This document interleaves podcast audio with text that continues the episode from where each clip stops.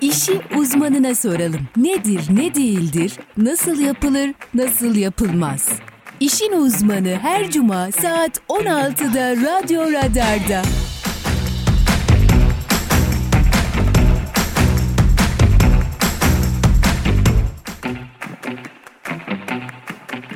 İşi uzmanına soralım. Nedir, ne değildir, nasıl yapılır, nasıl yapılmaz?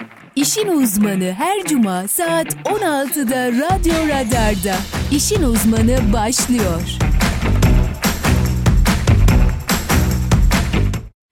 Değerli Radyo Radar dinleyicileri ve Kayser Radar takipçileri, İşin Uzmanı programı ile karşınızdayız. Ben Bilge Nur Ülger. Her hafta alanında farklı uzmanları konuk aldığımız İşin Uzmanı programının bu haftaki konuğu, iş sağlığı ve güvenliği uzmanı Mehmet Kavafoğlu. Merhaba efendim. Hoş geldiniz. Teşekkür ederim. Siz de hoş geldiniz. Sağ olun. Mehmet Bey çok yabancı değil. Biz 6-7 ay hatta daha fazla Vallahi bilmiyorum. Bir, bir süreç e, iş sağlığı ve güvenliği konuştuk bu e, şeylerde. Sonra dedik biraz ara verelim. E, Bir ara verdik. Belki bakarsınız önümüzdeki bahar tekrar başlarız. Evet tabii ki neden olmasın. Neden Sizi olmasın? o zaman siz kendinizi tanıtın diyeceğim başında ama Peki tanıtayım. Tanımayanlar vardır herhalde ama ben çok meşhurumdur. Şimdi siz her hafta programa geldiğiniz için ben size her hafta bunu sormuyordum. O yüzden O zaman ya e, ismim Mehmet Kavafoğlu. İş sağlığı güvenliği uzmanıyım. Yaklaşık 12 yıldır Kayseri'de iş sağlığı güvenliğiyle uğraşıyorum. Daha önce e, Lüks Kadife'de e, boyane sorumlusuydum, şefiydim. Oradan ayrıldıktan sonra bu sektör çıktı karşımıza. E, ne yapalım, nasıl yapalım, nasıl bir yol izleyelim dediğimiz zamanlardı. E, işte 10 senedir, 12 senedir yaklaşık iş sağlığı güvenliği konusunda e, Kayseri'de faaliyet gösteriyoruz. E, alıyoruz, veriyoruz, anlatıyoruz. Aman yapmayın diyoruz. Niçin yapıyorsunuz diyoruz. Aman dikkat edin diyoruz. Aman gözünüzü seveyim diyoruz. Eğer kişilerin yaşı 40-50'yi geçtiyse canınız nasıl istiyorsa öyle yapın diyoruz. Ama eğer daha gençlerse 18, 20, 25 yaşlarındalarsa aman gözünüzü seveyim dikkat edin. Sağlık sizin sağlığınız diyoruz. ustalar yani her şeyi doğru mu yapıyor? Ustalar 40-50 yaş üzeri. Ya şey doğru yapıyor değil. Ya onlardan geçmiş artık. Bizden de geçmiş. Yaşlandık. E, Bundan sonra ne olacak yani? Kendimize ne kadar dikkat edebiliriz? E, zaten onlar da genelde diyor ki ya 30 senedir bana bir şey olmadıysa bundan sonra da olmaz diyor. Yani yanlış bir cümle ama e, sonuçta şey olmuyor. Ne derler ona? E, genç arkadaşların kendilerine daha dikkat etmeleri lazım. Genç arkadaşların çalışırken sağlıklarına daha dikkat etmeleri lazım. Çünkü e, bakın size şöyle bir hikaye anlatayım. E, biz gençken e, çocuktuk. Lise, ortaokul civarında e, enişten vefat etti. E, halam her sene Kuşadası'nda yazlığa gider. Biz de Eylül, Ekim, Ekim, Kasım gibi, Ekim, Ekim ayı gibi Kuşadası'na o halamı almaya gideriz. Birkaç sene böyle üst üste gittik. E, Kuşadası'nda tatile gelen insanların hepsi böyle 70-80 yaşlarında Avrupalı yaşlılar. Tamam mı? Hepsi böyle dinç, koşuyorlar, eğleniyorlar, voleybol oynuyorlar, e, suya giriyorlar, yüzüyorlar falan filan böyle harika şey, harika işler yapıyorlar yani. Böyle hayran hayran bakıyorum adamlara böyle, aa diyorum ya nasıl güzel falan filan. Bu arada benim dedem de 60 yaşında, babaannem dedem evde beraber yaşıyoruz zaten. Dedeme babaanneme diyorum ki dede babaanne bir sene sonra hadi sizi de götürelim. Orada hep yaşlılar var işte çok güzel, hava güzel, ortam güzel falan filan. Dedem babaannem aman git oraya mı gidilir falan gidilmez. O kadar yol mu çekilir falan. Sonraları anladım ki dedemle babaannem, dedem nefes darlığından dolayı yıllarca çalışmış, işte toz yutmuş, koklamış, sigara içmiş, artık nefes alamadığından dolayı. Babaannem de yıllarca işte suyun içerisinde çamaşır yıkamış, kendine bakmamış, özen göstermemiş, her taraf romatizma. Hareket edemiyor. Ta Kuşadası'nda 12-15 saat yol onların gözünde kocaman oluyor ama Avrupa'dan insanlar eğlenmek için çünkü dinçler, çünkü kendilerine bakmışlar, kendilerine özen harcam, e, özen göstermişler. E, artık bir şeydeler yani, dinçteler şeydeler.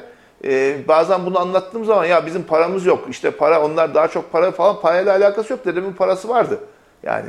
Ama dedem de sağlığından dolayı maalesef ta oralara kadar gitmeyi gözü yemiyordu, Biz yoruluyordu. ucuzuz değil mi? Tabii yani. e, Kendimize ucuzuz yani Tabii kendimiz için anlaşılmasın. çok ucuzuz. Yani biz işte işte akşam uyuyacağız, uyuyacağımız yere işte yürümüyoruz, çok yemek yiyoruz.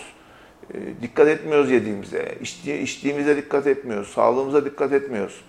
E, çalıştığımız ortamda çalışma pozisyonlarımızı e, ona göre uygun bulundurmuyoruz. Ha Türkiye şartları evet tartışılabilir. Bunlar sabahtan akşama kadar tartışacağımız şeyler ama sonuçta dönüp baktığınız zaman kendimize bizim dikkat etmemiz lazım. Ve benim 10 senedir insanlara söylediğim en önemli şey bu. Çünkü biz ne söylersek söyleyelim. Ama eğer siz dikkat etmiyorsanız kendinize, sen dikkat etmiyorsan kendine, benim senin sana yapacağım hiçbir şey yok. Evet. Yani işte e, onu yapma. Merdivenden hızlı inme mesela. O ağır malzeme kaldırma. Ya bir şey olmaz ben kaldırırım ben Güçlüyüm. güçlüyüm. Ya değilsin arkadaş işte belin fıtık olduğu zaman bir daha geriye dönmüyor. Maalesef böyle bir durumumuz var. Durum bundan ibaret. Ha buraya nereden hızlıca geldik? Ne yapıyorduk? Biz ne yapıyorduk? Biz böyleydik. Biz bu işe kendinizi başladık. 10 tanıtıyordunuz. senedir evet. Biz 10 senedir e, bu sektörde işte bunları söylemeye çalışıyoruz. Bunları hatırlatmaya çalışıyoruz. Ve hatta ve hatta şöyle diyorum. Ya arkadaşlar beni gördüğünüz zaman yani ben geldim, beni gördüğünüz zaman bana ya işte bu adam bizim sağlığımız için, bizim güvenliğimiz için, bizim e, sağlıklı olmamız için bir şeyler söylüyor. Biz bunun için işte gözlüğümüzü takalım, maskemizi takalım, güvenli hareket edelim, güvenli çalışalım mı getirin aklınıza diyorum ama inşallah geliyordur arkadaşların isimleri akl- akıllarına. Benim şey geliyor direkt bizim şu dışarıdaki ya- yangın merdiveni. Sadece o geliyor. Şaka yapıyorum. Yangın merdiveni de yani yangın da bambaşka bir pozisyon. Yangın olduğu zaman e, bunun önlemi çok e, başta alınması gereken bir Üç hadise. saniye. Evet yangın 3 saniye ve faydalı olmuşum. Ha çok güzel mutlu oldum şimdi teşekkür ederiz. ne demek? Biz teşekkür ederiz. Ee, iş sağlığı ve güvenliği uzmanı ne iş yapar? Sadece uyarıda mı bulunur şimdi? Şimdi e, bin, 2000, bin değil tabii yaşlı olduğumuz ortaya çıkıyor. Binlerle başlamıyor artık. 2013 yılında İş Sağlığı Güvenliği Yasası çıktı. 6331 sayılı İş Sağlığı Güvenliği Yasası. Bizlere bu yasa e, danışmanlık e, ve e, görevi verdi aslında. Yani e, bizlere dedi ki arkadaş dedi sen iş yerindeki tehlikeleri tespit et. Eğer işveren isterse. Eğer der ki, dedi ki eğer işveren isterse, işveren bunu kendisi de yapabilir çünkü.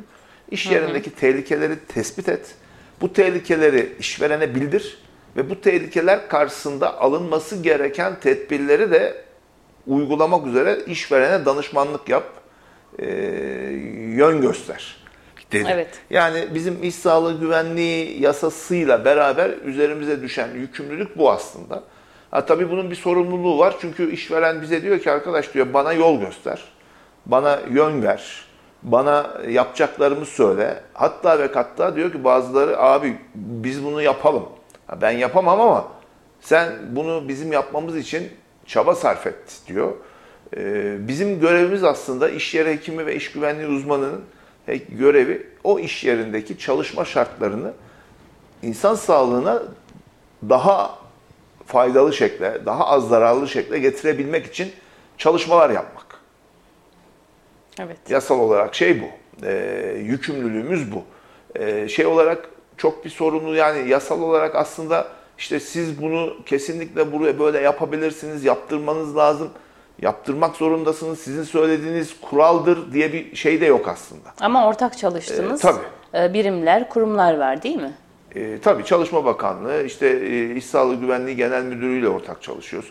Bildirimlerimizi oraya yapıyoruz. E, yönlendirmelerimizi yapmamız gereken şeyleri oraya yapıyoruz. Ama mesela şöyle örnek vereyim. İşte burada mesela e, iş sağlığı için önemli bir sıkıntı var. E, işte bu işletmenin çalışmaması lazım.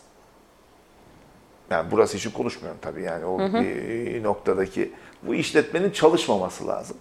Ee, ama biz dahi o işletmenin durduramıyoruz. Yani arkadaş burada çalışamazsın diyemiyoruz ta ki bakanlığa bunu bildiriyoruz. Biz bunu durdurmak zorundayız diyoruz. Çok acil bir durum varsa, çok ölümcül bir durum varsa orada diyoruz ki hayır çalışamazsınız, durduramaz ama bunu da e, bakanlığın genel, genel müdürlüğe bildiriyoruz. E, şey oradan geliyor. E, ne derler ona?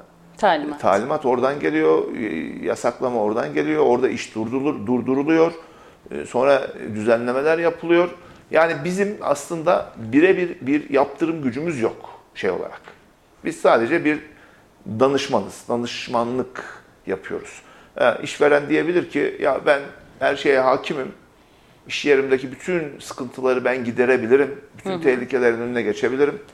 Size Kimseyle çalışmak zorunda değilim. Yok diyebiliyorum. O kendisi de böyle e, bakanla kendini bildiriyor. Uzmanlık yapıyor. Yani onun bazı şeyleri var, kuralları var. Çok ayrıntıya girmeyelim. E, kendisi de yapabiliyor yani.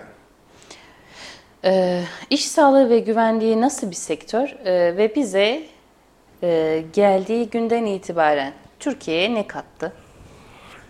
Eksiklerimiz Oo, nerede? Zor soru. Şimdi iş sağlığı güvenliği şöyle, e, 2013 yılından önce aslında yok muydu? Vardı. E, İş kanunumuzun 77. veya 73. maddesinden sonra benzer maddelerle e, iş yerindeki çalışma koşulları şekillendirilmişti. Fakat bu şekillendirme 50 çalışanın üzerindeki iş yerleri için uygulanıyordu. İş sağlığı güvenliği yasasıyla bütün tabana yayıldı bu. Yani kaç kişi çalıştırdığınızın bir hükmü yok. Eğer tehlikeli ve çok tehlikeli işler, iş kollarında bir işletmeniz varsa kesinlikle iş sağlığı güvenliği yasa kurallarına uymak zorundasınız. Eğer az tehlikeli iş sınıfında ve 50 kişinin üzerinde çalışanınız varsa yine bu kurallara uymak zorundasınız. 50 kişiden az çalışanınız varsa bu kurallara yine uymak zorundasınız ama bazı zorunluluklar var. İşte iş güvenliği uzmanı çalıştırma zorunluluğu, iş yeri hekimi çalıştırma zorunluluğu gibi. Bu iki şık haricinde yine kurallara uymak zorundasınız. İş sağlığı güvenliği sektöründe yani sektörü demeyelim iş sağlığı güvenliğinde kişi bir işletme açıyorsa o işletmedeki tehlikeleri tespit etmek zorunda. Nedir bu tehlikeler? Elektrik, yangın, işte keskin uç, keskin bıçak, Korumasız, korumasız makine. makina, işte e, sesli gürültülü makina, tozlu makina, işte e, ne bileyim e, yüksekte çalışır, çalışırken düşme ihtimali, işte kapalı alanda çalışırken oksijensiz kalma ihtimali, bütün bu ihtimalleri mesela avukatlık şirketi, adam 5 tane avukat çalışıyor beraber, toplamda 7 kişiler. Burada bizim bir şey yapmamız gerekiyor mu diye sorduğunuz zaman evet gerekiyor. Orada da elektrik var, su var, bulaşık deterjanı var, çamaşır suyu var, lavabo var, ıslak zemin var, elektrik var, yangın var. Bütün bunların işte acil çıkışlar var, yangın merdivenleri var. Bütün bunları tespit edip bu tespitlerin sonrasında bunlara önlem alarak çalışıyor olmaları gerekiyor. Ee, o yüzden iş sağlığı güvenliği sektöründe yapılması gereken yani bu sektör e, kişilerin, işletmenin, kişilerin sağlığı işletmenin verimiyle alakalı bir sektör. Bu verimliliği artırmak işletmeye de aslında pozitif şeyler katıyor. Çalışan insan daha mutlu çalışıyor, çalışan insan daha verimli çalışıyor. Ee, Kendisine özen gösterildiğini hissettiği zaman, kendisine özen e, özel olduğunu hissettiği zaman, farklı olduğunu hissettiği zaman daha verimli işler yapıyor. Dört elle işine sarılıyor. İşte belli eğitimler veriliyor. Bu eğitimler karşılığında kişi kendini geliştirmiş oluyor. Ee, Eğer aslında e, hakkaniyetle bu işi yapıyor olsak işveren de daha verimli ürünler üretecek, daha verimli işler yapacak aslında ama maalesef e, şu anki sektör o noktada değil. E, ha ne kadar yol aldık dediniz? Yani nereden nereye geldik dediniz? Yaklaşık 2013-2023, 10 sene olmuş yasa çıkalı, uygulamaya konulalı diyeyim. E, bu sürede bir arpa yolu boy git, yol gittik aslında. Çok gözükmese de yani artık e, böyle bir sektör olduğunu insanlar biliyor. Böyle insanlar olduğunu insanlar biliyor. Ee, çalışanlar mesela e, ben e, bize eğitime gelen, işe girmeye gelen arkadaşların hepsine şöyle sorarım. Nedir iş güvenliği diye sorarım. Kendileri bunu anlatsın isterim. Ee, e, güzel cevaplar alıyorum artık. Yani e, evet bizim sağlığımız diyen insanlar çokça. Evet e, iş İşimizi sağlığı, güvenle yapmak. işimizi güvenle yapmak diyen insanlar çokça. Ha bilmeyen, söylemeyen e, insanlar da var mı? Evet var ama artık kişiler de e, bu işte kendi sağlıkları için olduğunu, kendi sağlıkları için tedbir almaları gerektiğini, güvenli çalışmaları gerektiğini anlamaya başladılar. Uygulamaya başladılar. Ya, her şey çok dört dörtlük mü? Hayır değil. Her şey e, kitabına uygun mu yapılıyor? Hayır değil. Ama bir yol kat edildi mi? Evet kat edildi ama biz bu edilen kat edilen yolda artık daha farkındayız. Daha e, şeyin önündeyiz. Yani insanlara iş güvenliği dediğin zaman ya git arkadaş demiyoruz. Mesela iş güvenliği dediğimiz zaman artık ben 30 senedir bu işi yapıyorum, işime niye karışıyorsun diyen insan sayısı azaldı. Tamam yine bildiği gibi yapıyor, hı hı. yine istediği gibi yapıyor. Yine mesela bugün bir boyacı arkadaş geldi, abi maske takacaksın mı dedi. Ya abi maske takıyorum da takmıyorum da böyle ama e, onun aslında kendisine zarar verdiğinin farkında. Bilinçlendi yani. Bundan 5 sene insanlar. önce aynı adama maske dediğin zaman ya ne maskesiymiş ya git işine arkadaş derdi bana. Ama ben 10 senedir o adamın başının etini yiyorum. Maskeni niye takmıyorsun? Maskeni taksan abi. Gözünü seveyim abi. Kulak, ciğerinin köşesine kıvrılayım, uyuyayım abi. Niye bana bunu yapıyorsun abi? Benim ne suçum günahım var abi? Gözünü sevdiğim yapsana şunu diye diye diye diye diye diye. Artık o insanlar da bir yerde ya ben bunu niye yapmıyorum? Mesela bir müşterim var. E, işi rast gelsin arkadaşın e, kesinlikle sapıtmaz. Bütün donanımlarını giyer, o boyayı sıkar. Sonra da çıkar, üstünü başını çıkarır, işi bittiği zaman tertemiz. Kendisi diyor ki daha önce boya şey yapıyordum diyor. Yani ağzım, yüzüm, her tarafım, dişlerin arası boya diyordu. Evet. Ve bu kimyasalı yutuyordu. Ama şimdi koruyucu elbisesini giyiyor, önünü kapatıyor, maskesini güzelce takıyor. Ağır mı? Evet ağır. İşte zor mu çalışma şekli? Evet zor. Ama güvenli. Ama bir kimyasal ama, yutmuyor. Ama alışıyor. Şimdi hadi onsuz çalış dediğin zaman dur bir dakika diyor. Bir dakika dur abi diyor. Hemen gidiyor kipir kipir 3 dakikasını alıyor. Hepsini takıyor güzelce. Bıt bızıt makinenin başına geçiyor. Bu kaynakçılarda da şey oluyor ya bu gözlerinin çıkıp kırmızı oluyor. Ne diyeyim? Yazık. Yani diyecek çok bir şey yok. Yani evet keşke önlememizi ha, e, alsak. Dediğiniz gibi ha işte zaten ha şimdi şöyle bir şey var. İnsanoğlunun fıtratı ve bizim yetiştirilme tarzımız yani bunları da biz de anlıyoruz aslında. Yani biz de o işin içindeyiz. Yani bizim çocukluğumuzda biz araba sürmeye başladığımızda emniyet kemeri yoktu arabalarda. Zorunlu değildi. Takmak mı zorunlu Tabii, değil? takmak da zorunlu değildi. Sağ koltukta emniyet kemeri yoktu. Ya. Tabii. Şimdi biz buralardan geldiğimiz için yani yaş böyle... Bizi de çok suçlamamak lazım. Arabalar bizim değil ki. Dünyada da yokmuş o zaman. Hayır, dünya, Türkiye'de yani dünyada vardı ama Türkiye'de o ıı, şeydi mesela sağ ayna ve sağdaki emniyet kemeri opsiyoneldi. İstersen taktırırdın. Yani yolda giderken eğer kendi sağlığını, kendi canını, kendi güvenliğini düşünüyorsan emniyet kemerini takardın. Kimse bu emniyet kemeri 90 2000'lerde mi 90 90'larda şey oldu. E, emniyet kemeri takma zorunluluğu geldi. 92 93 o civarda Türkiye'ye. Ondan önce emniyet kemeri zorunluluğu yoktu. İsteyen takar, isteyen takmaz emniyet kemerini. Takan kendine özen gösteren insanlardı. Takmayanlar ya ne olacak ki zaten diyen insanlar. Şimdi arkadan takıyorlar. Görüyor musunuz? Ta, o, o onlar e, e, benim dediğim zaman da takan Şimdi bütün kişiler. arabalar ötüyor ya. Yani takan takan kişi sayısı kadar ama o kadar da değil yani. Birçok insan takıyor emniyet kemerini ya. Yani şimdi onlara da hak yemeyelim. Yok yok ben genellemiyorum ama şey e, ben şey görüyorum mesela böyle özellikle çok iyi arabalar, çok güzel arabalar. Arkaya takmış. İşte bir yere kadar gidip gelecek araba dörtlü de yanıyor. Ya falan. aslında şimdi bu iş nasıl bir şey biliyor musunuz? Madem oraya geldik oradan da bahsedelim. Yani hep güvenlik konuşuyoruz şey. Şimdi e, akşam eve gidiyorsunuz, evdeki hanımınızı aradınız, işte eşinizi aradınız. Ne istiyorsunuz dediniz. Ya ekmek al bir tane dedi. Telefonu kapattınız, mırın kırın ettiniz böyle. Dediniz ki ya ekmeği de kendileri alsalar da ne ekmeğiymiş falanmış filanmış dediniz. Bir sürü yoruldum falan filan dediniz ama. Hep ben yoruldum bir de ekmeği de mi ben alacağım? E, gibi böyle kendi kendinize bir sürü bir şey de söylediniz. Sonra döndünüz şeye e, evin yakınına geldiniz mahallenin içindesiniz artık 100-150 metre sonra eviniz A101'in önünde durdunuz. Eyvah reklam yaptık. E, marketin önünde durdunuz. E, indiniz arabadan. Emniyet şey e, bir tane iki tane ekmek aldınız. Arabaya bindiniz. 100 metre sonra gideceksiniz. Arabaya emniyet kemerinizi tekrar takar mısınız? Soru bu. Yani 100 evet. metre sonra duracaksınız. Emniyet kemerinizi bir daha takar mısınız?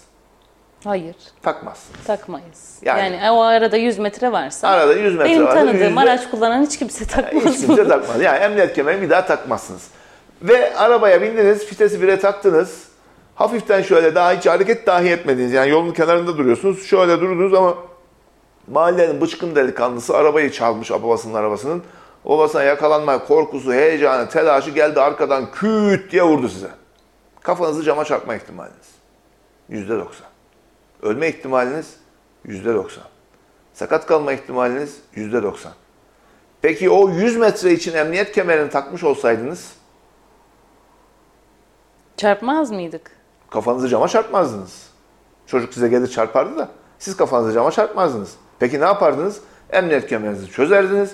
Arkadaş ne oluyor derdiniz, inerdiniz, giderdiniz o çocuğun güzel döverdiniz. Dövmezdiniz, Dövmezdiniz tabii ki. tabii Polisi ki. çağırırdık. Şimdi işin şeyi burada. Yani o aradaki o 100 metrede başımıza ne geleceğini hiç bilmiyoruz. Biz hiç bize bir şey olmayacakmış gibi yaşıyoruz. Evet evet. Ben Tamam her mı? zaman söylüyorum çünkü benim iki tane erkek kardeşim var ve e, bilgisayar oyunlarını çok fazla oynuyorlar. Ve e, şimdiki dönemde o genç arkadaşlarımızda şu var. Böyle vücuduna herhangi bir zarar geleceğini e, hesap edemiyor. Hesap etse de sanki bu bir bilgisayar oyunuymuş gibi. Yani bunun yedeği var. İşte şu kadar yükseltiriz, şu kadar alırız falan. Şu kadar zümrüt, şu kadar yakut bir şeyler. Yani kendi aralarında böyle bir oyun e, şeyleri, şifreleri falan var. Bunun tekrar yenileneceğini düşünüyorlar. Yani Yenilenmiyor. evet sistem olarak işte tamam şey takıyorlar, takıyorlar nedir o? E, pi- Platin mi diyorlar? bir de başka bir şey işte. Evet yerine geliyor ama orijinal parçası değil ki.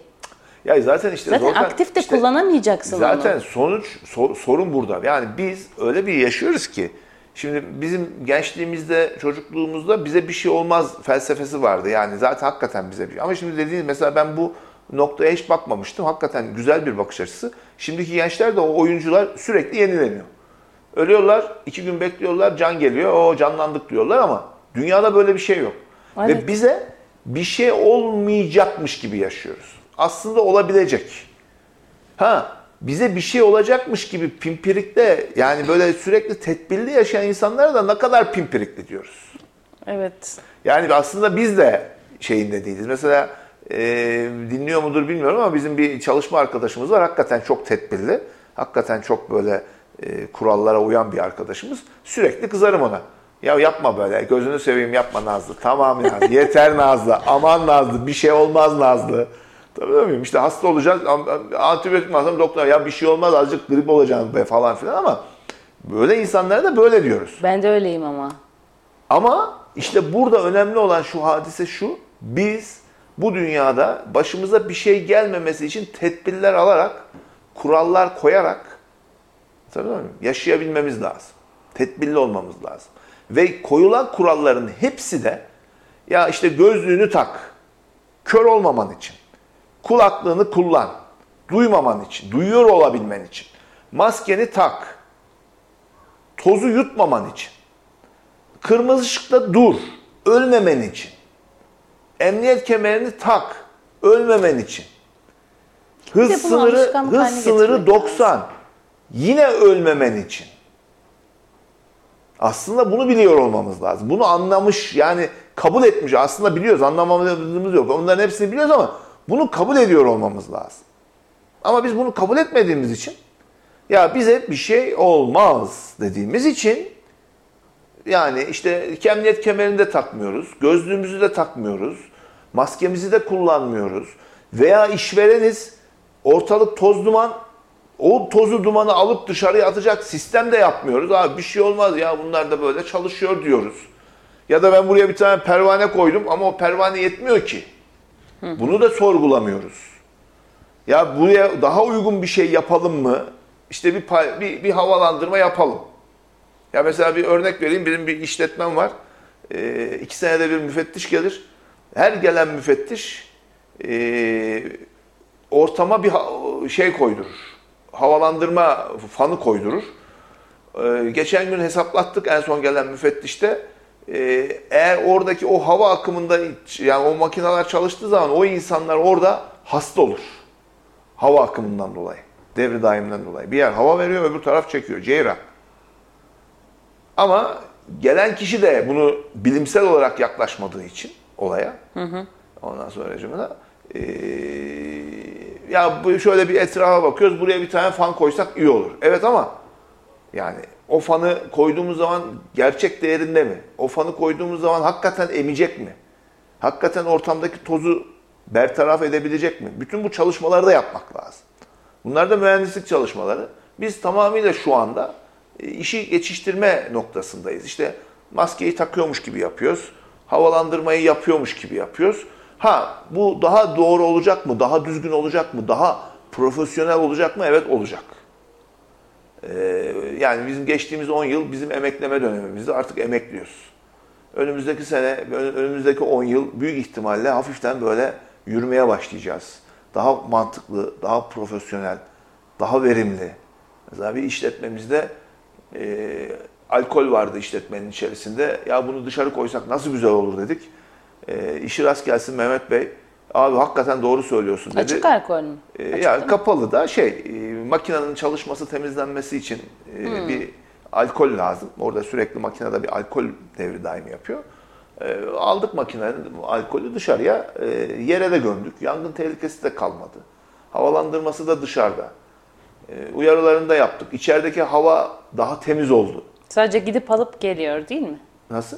Gidip alıp geliyor temizlemesi gereken. E, makine kendi yapıyor bunu zaten. Deposunu işletmenin içindeydi.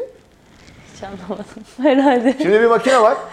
makine alkolle anlatabiliyor muyum? Ee, veya tinerle sizin daha şey diyeyim tamam alkol belki kafanız karşı. Tinerle evet. makinenin temizliğini yapıyor. Ama kendi yapıyor. Yani birileri eliyle falan silmiyor bunu. Hı hı. Makine püskürtüyor, siliyor ve sonra onu tekrardan depoya atıyor.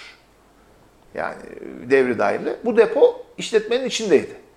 İçeride fazla alkol var, yanma tehlikesi var. İçeride fazla alkol var, kokuyor. Şimdi anladım. Anladın Biz de bu alkolü aldık, dışarıya kapıya koyduk. E şimdi içerisi içerisi daha temiz kokuyor. İçerisi daha e, yangına karşı e, daha sağlıklı. Hı hı. Kişilere karşı daha sağlıklı. Ha bunu e, bazı işletmelerimiz 5 senede yapıyor. Bazı işletmelerimiz hemen söyler söylemez yapıyor. E, biz bu, bu noktalardayız aslında. Ha, ama e, daha kısa süreli, daha profesyonel çalışmalar. Yani belki oraya farklı bir havalandırma sistemi de düşünülebilirdi.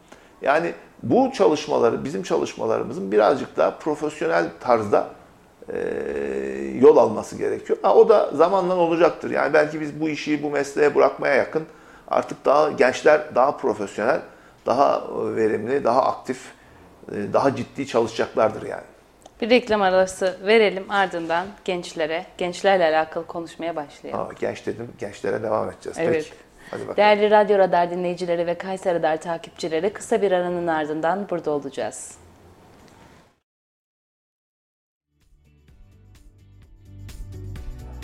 Şimdi reklamlar.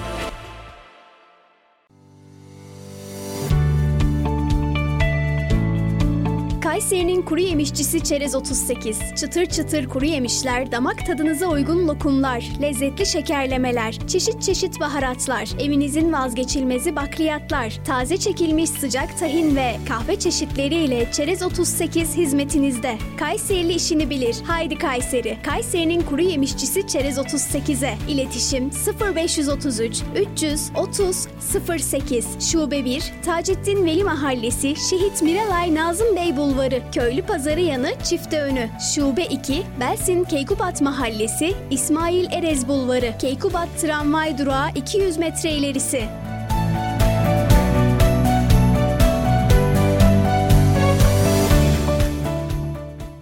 Bir imza düşünün. Olduğu her yere değer katan, hayat veren. Hayalleri gerçeğe dönüştürürken memleketin her karış toprağına güçlü projelerin temelini atan bir imza ilkleri yaşatan aynı imza, şimdi sizleri yeni projelerine davet ediyor. Bu imzayı tanıyorsunuz. Çünkü 5 yıldır olduğu her yerde farkını yaşıyorsunuz. En iyisini isteyenler için değeri her geçen gün artan yaşam projeleri Grup Avenir güvencesiyle Yozgat ve Kayseri'de.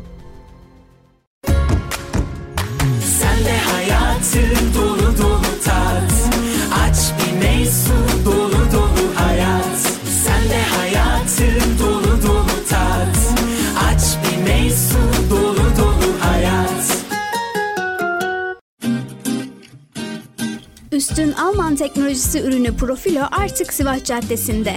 Evlenecekler, evini yenileyecekler, beyaz eşya ihtiyacı olanlar, avantajlı fiyatlarla beyaz eşya almak isteyenler. Sivas Caddesi Profilo mağazamıza bekliyoruz. Üstelik 36 aya varan taksit avantajıyla kart yok, kefil yok, peşinat yok. Profilo Sivas Caddesi'nde Emirgan Parkı karşısında. Oh be profilo varmış. Oh oh. Oh be profilo varmış. Huri tesettür giyim. Moda Huri'de. Kitap ve kırtasiye ihtiyaçlarınızın hepsi uygun fiyatlarla Vizyon Kitap Evi'nde. İlk öğretim ders kitapları, AYT, TYT hazırlık kitapları, güncel kitaplar, dünya klasikleri, çeşit çeşit kırtasiye ürünleri ve çok daha fazlası Vizyon Kitap Evi'nde. Vizyon Kitap Evi, Meysu Outlet'te. Reklamları dinlediniz.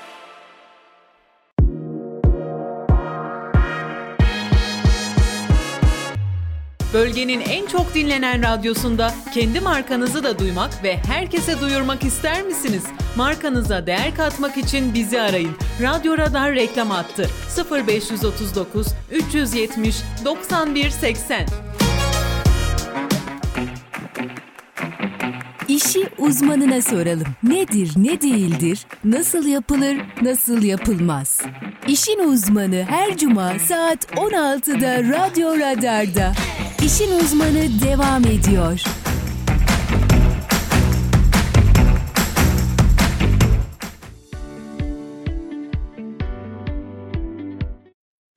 Değerli Radyo Radar dinleyicileri ve Kayser Radar takipçileri, İşin Uzmanı programına kaldığımız yerden Mehmet Kavafoğlu'yla devam ediyoruz.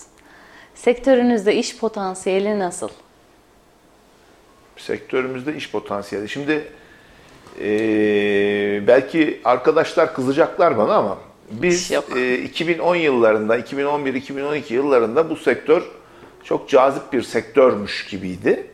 Evet, bir dönem çok Ee, popülerdi. Yani herkes buradan işte güzel paralar kazanılacağını veya güzel e, kariyerler yapılacağını falan düşünüyorlardı ve e, o dönemde e, işte e, hali hazırda bir iş güvenliği uzmanı olmadığı için belli şartlar, belli kurslar, işte e, belli sınavlar sonrasında birçok arkadaşımız iş sağlığı güvenliği uzmanı oldu, iş yeri hekimi oldu.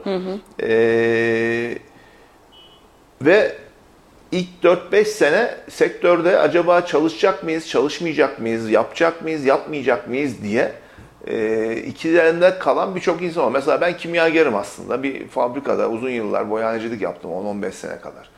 Esas ana işim benim tekstil e, kumaş boyacılığı. E, öyle baktığınız zaman biz oradan yani işten ayrılmıştık. Pat diye bir yeni bir iş ne yapalım acaba falan derken iş güvenliği uzmanı oldu. Böyle rastlantı sonucu veya denk gelme sonucu bu işe başlayan arkadaşlar var. Ee, ve bu işi şey yani şu anki e, şeyi oluşturan arkadaşlar o temeli oluşturan arkadaşlar bu arkadaşlar. Ee, bir de bu işte 2013 yılında üniversiteler açıldı. işte iş sağlığı güvenliği bölümleri oluşturuldu. Bu bölümlerden gelen arkadaşlar var. Ve bu arkadaşlar da hakikaten işini seviyor.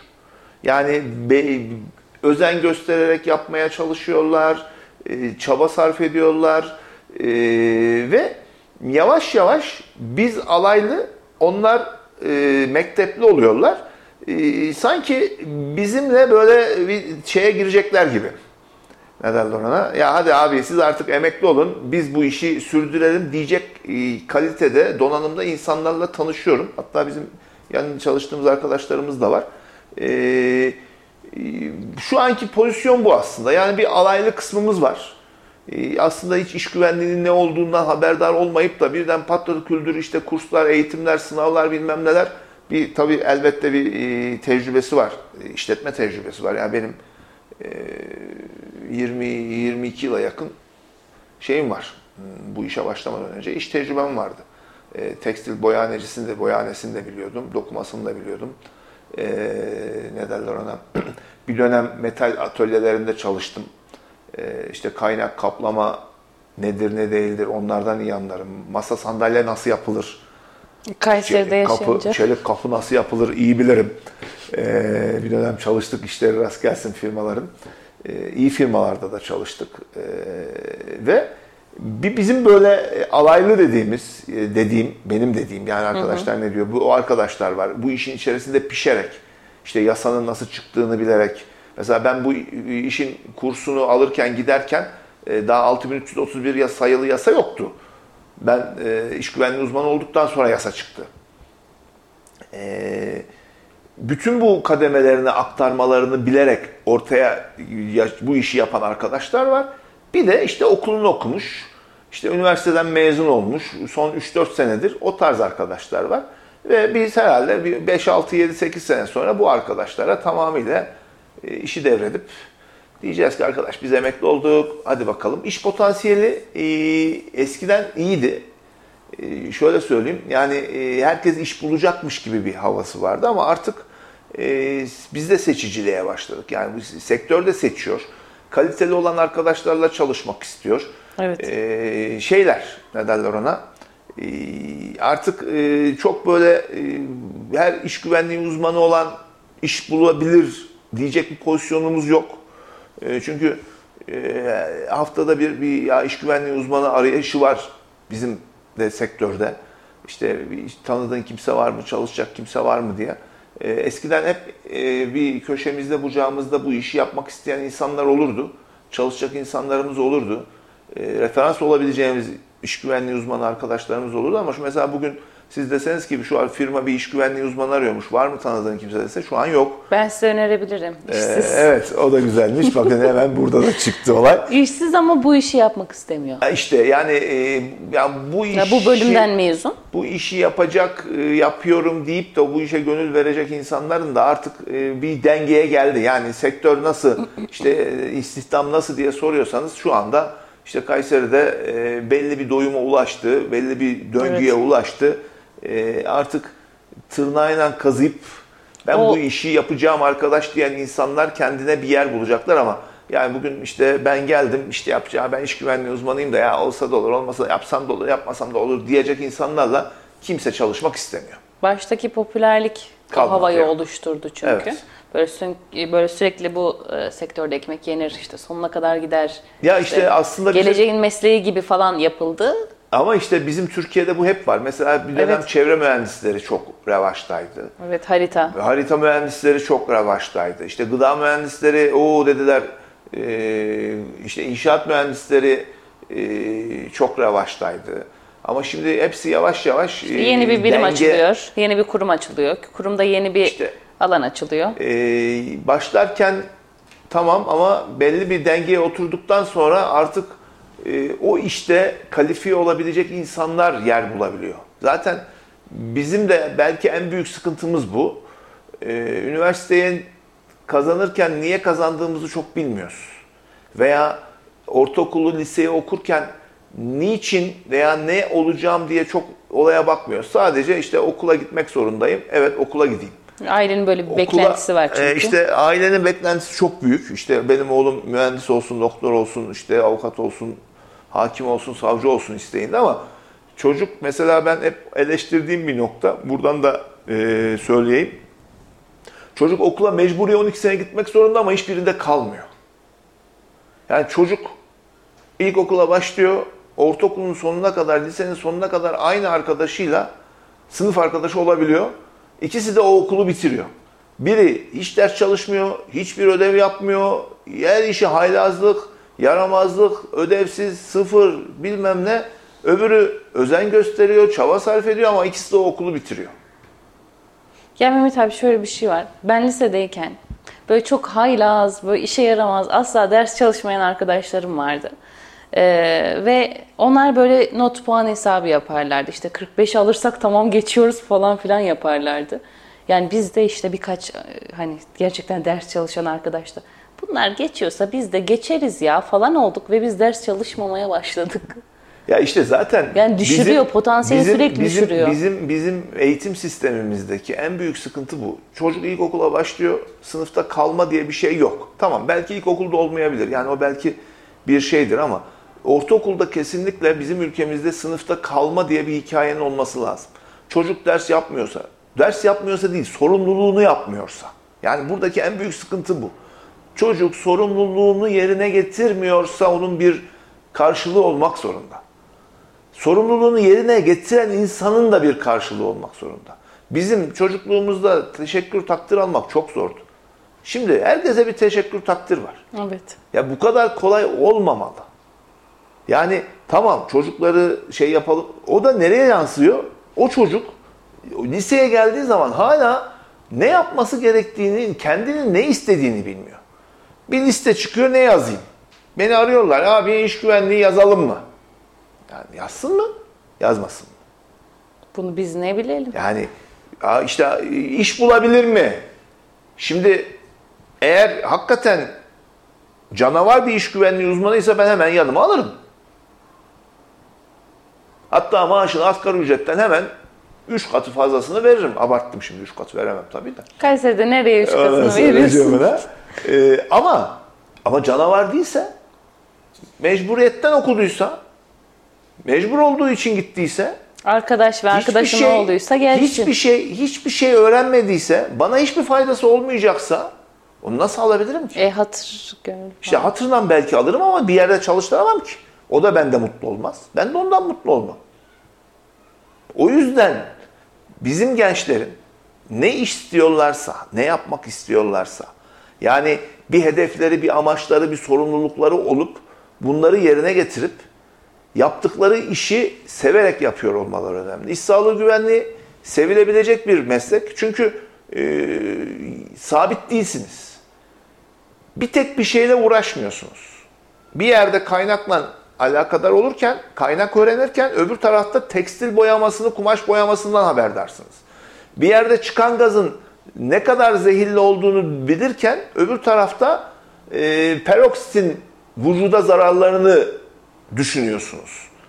Bir yerde kaynak gazını nasıl absorbe ederim, nasıl yok ederim, nasıl dışarıya atarım derken öbür tarafta peroksidin, boyanın, e, kimyasalın zararlarını, suyu deşarj etmenin derdine düşüyorsunuz. Sürekli sahada bir iş. Sürekli sahadasınız, sürekli hareketli ve sürekli kendinizi yenilemeniz gereken bir iş.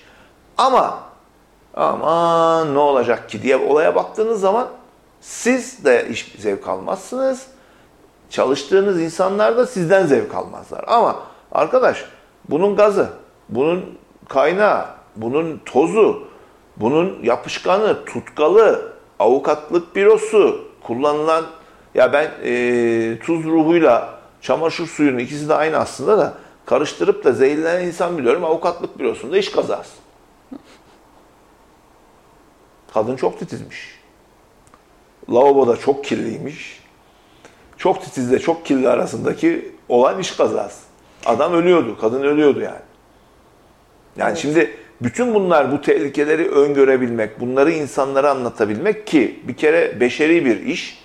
Bizimki sürekli insanlarla berabersiniz. Sürekli konuşuyorsunuz, sürekli anlatıyorsunuz. İkna etmek zorundasınız. Dün bir yerdeydim.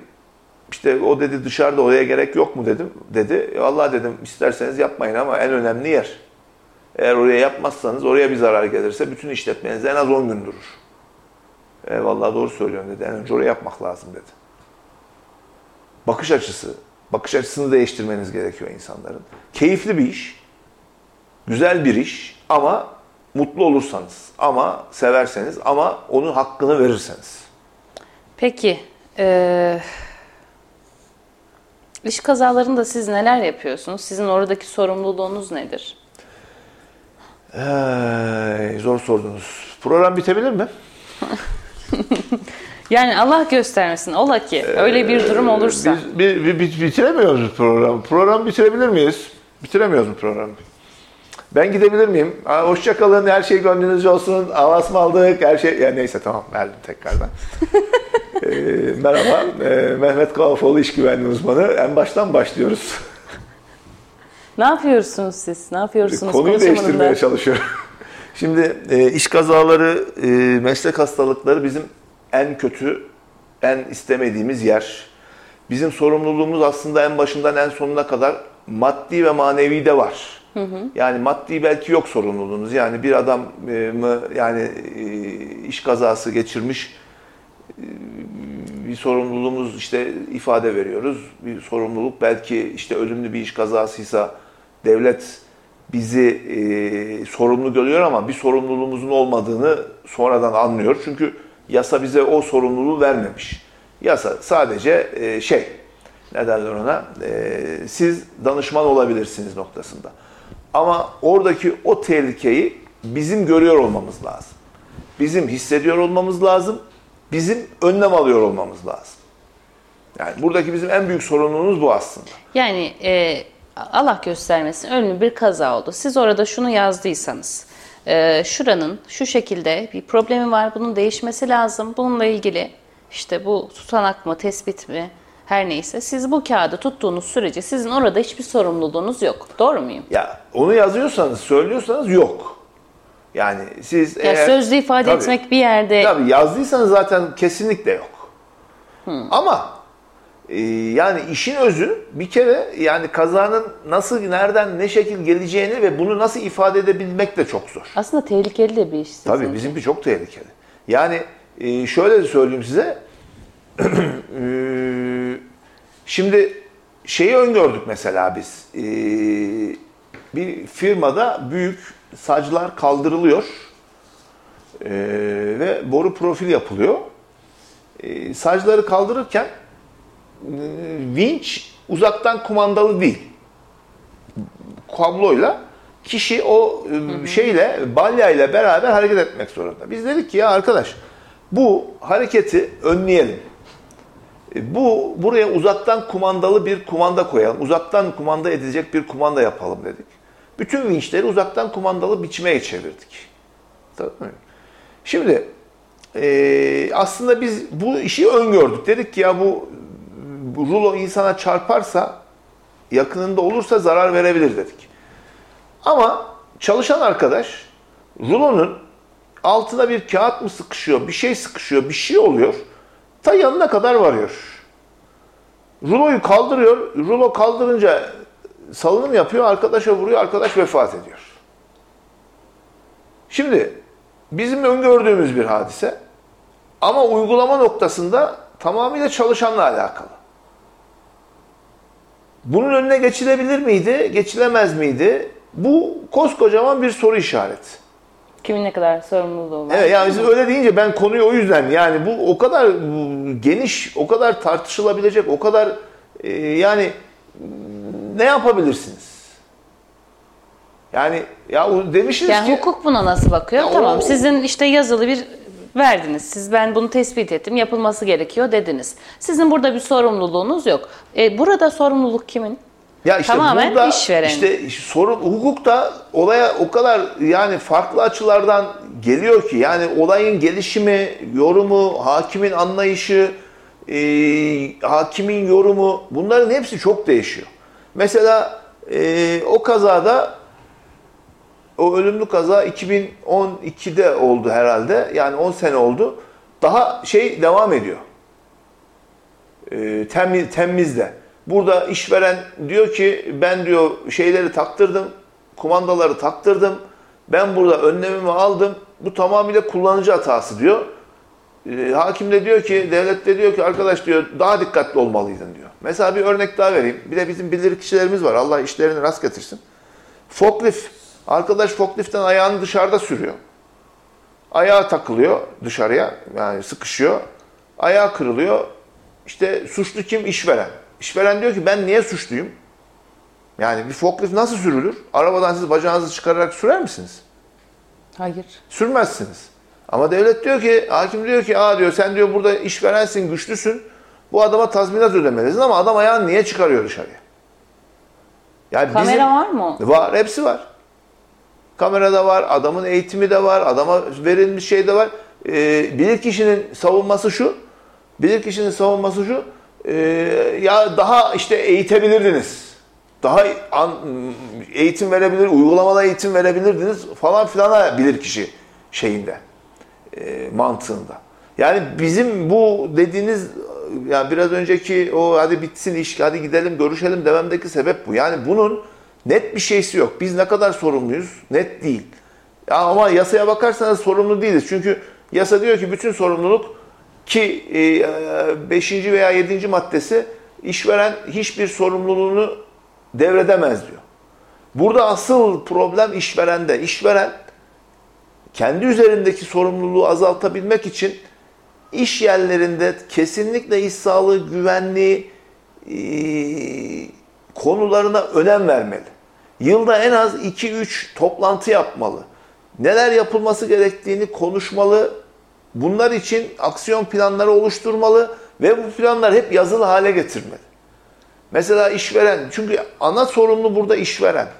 Yani yasa bütün maddelerinde ne olursa olsun dönüyor dolaşıyor. Size de o yaptığımız programlarda da oradaydı. Dönüyor dolaşıyor işverene geliyor iş. Evet.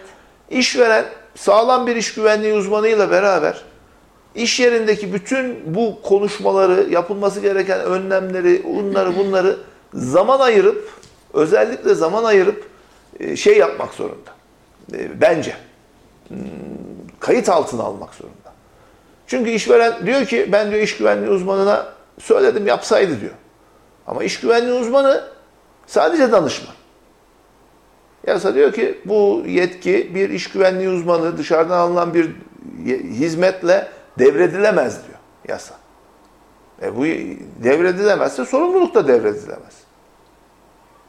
Ama şu anki yasada yani şu anki iş, iş, iş, istişatta iş, ne uygulamada onun ben, benim cesini söyleyeyim.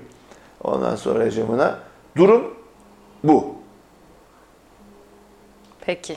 O zaman e, bana göre zor, size göre kolay bir soruyla. Sizde çünkü hikaye bitmez. Ben de bitmez, bitirelim evet. E, sektörde unutamadığınız bir anınız var mı? Sektörde en unutamadığınız diyelim. En unutamadığımız bir anı. Ya e, çok anımız var da e, bizim sektörün hem zorluğundan bahsetmiş olayım. Çocukları aldım Mersin'e tatile gidiyorum. Ee, neydi oranın ismi ya o e, Şekerpınarı, Bozantı. Bozantı'ya geldim çocuklara dedim ki sana bir yemek ısmarlayayım mı dedim. Tamam dedi. Şöyle döndük. Bozantı'dan, otobandan çıktık. Ee, o Şekerpınarı'na doğru gidiyoruz. Ee, telefon çaldı. Telefondaki kişi beni hiç aramaz. Müşterim. Hanıma dedim ki hanım dedim beni hiç aramayan bir arkadaş bu dedim. Durun bakalım hayırlısı. Telefon açtı. Abi he, ben parmağımı koparttım. Kendisi sıkıştırmış, kopmuş parmağı adamın. Ondan sonra şey seninle, sen, seninle görüşmek istiyor hmm, komutan. İşte jandarma bölgesi. Efendim arkadaş ifade vermen lazım çabuk buraya gel. Dedim ya Mersin'e gidiyorum çocuklarla tatildeyim ben yıllık izindeyim bilmem ne falan filan. Adamı zor ikna ettik. Tatile gittik geldik yoksa dönüyorduk yani tatile gitmekten Bozantı'da e, karnımızı doyurmaktan oradan e, tekrardan Kayseri'ye gelecektik. E, böyle bir anımız vardı. Hiç güzel bir anı değilmiş. E, yapacak bir şey yok. Neyse güzel demedik zaten unutamadığınız demiştik. Gerçi kötü bir anıymış. Durum bundan ibaret. Neyse geri dönmemişsiniz. Yok geri dön gittik tatilimizi yaptık. Ya bizle alakalı çok bir sıkıntı olmadı. Yani E, ama yani bunlar da yaşanılıyor. Ee, hiç unutamayacağınız deyince aklıma o geldi. Yani hala aklıma gelir. İşimizin zorluğuyla alakalı. Yani evet. bizim gecemiz gündüzümüz yok, tatilimiz yok, şeyimiz yok, telefonumuz sürekli çalar. Ee, sürekli birileri bir şeyler sorar. Yani sorsunlar işleri rast gelsin. Bizim de dilimizin döndüğünce anlatıp bilgi verebiliyorsak ne mutlu. Teşekkür ederim. Biz Ağzınıza teşekkür sağlık. ediyoruz. Sonuna geldik. Elinize sağlık. Sizin elinize sağlık. İyi ki geldiniz. İyi ki varsınız. Biz Sağ teşekkür olun. ederiz. Her şey gönlünüzce olsun. Değerli Radyo Radar dinleyicileri ve Kayser Radar takip, takipçileri, İşin Uzmanı programının sonuna geldik. Ee, bir sonraki hafta görüşünceye dek iyi haftalar diliyorum. Hoşçakalın, iyi iftarlar diliyorum.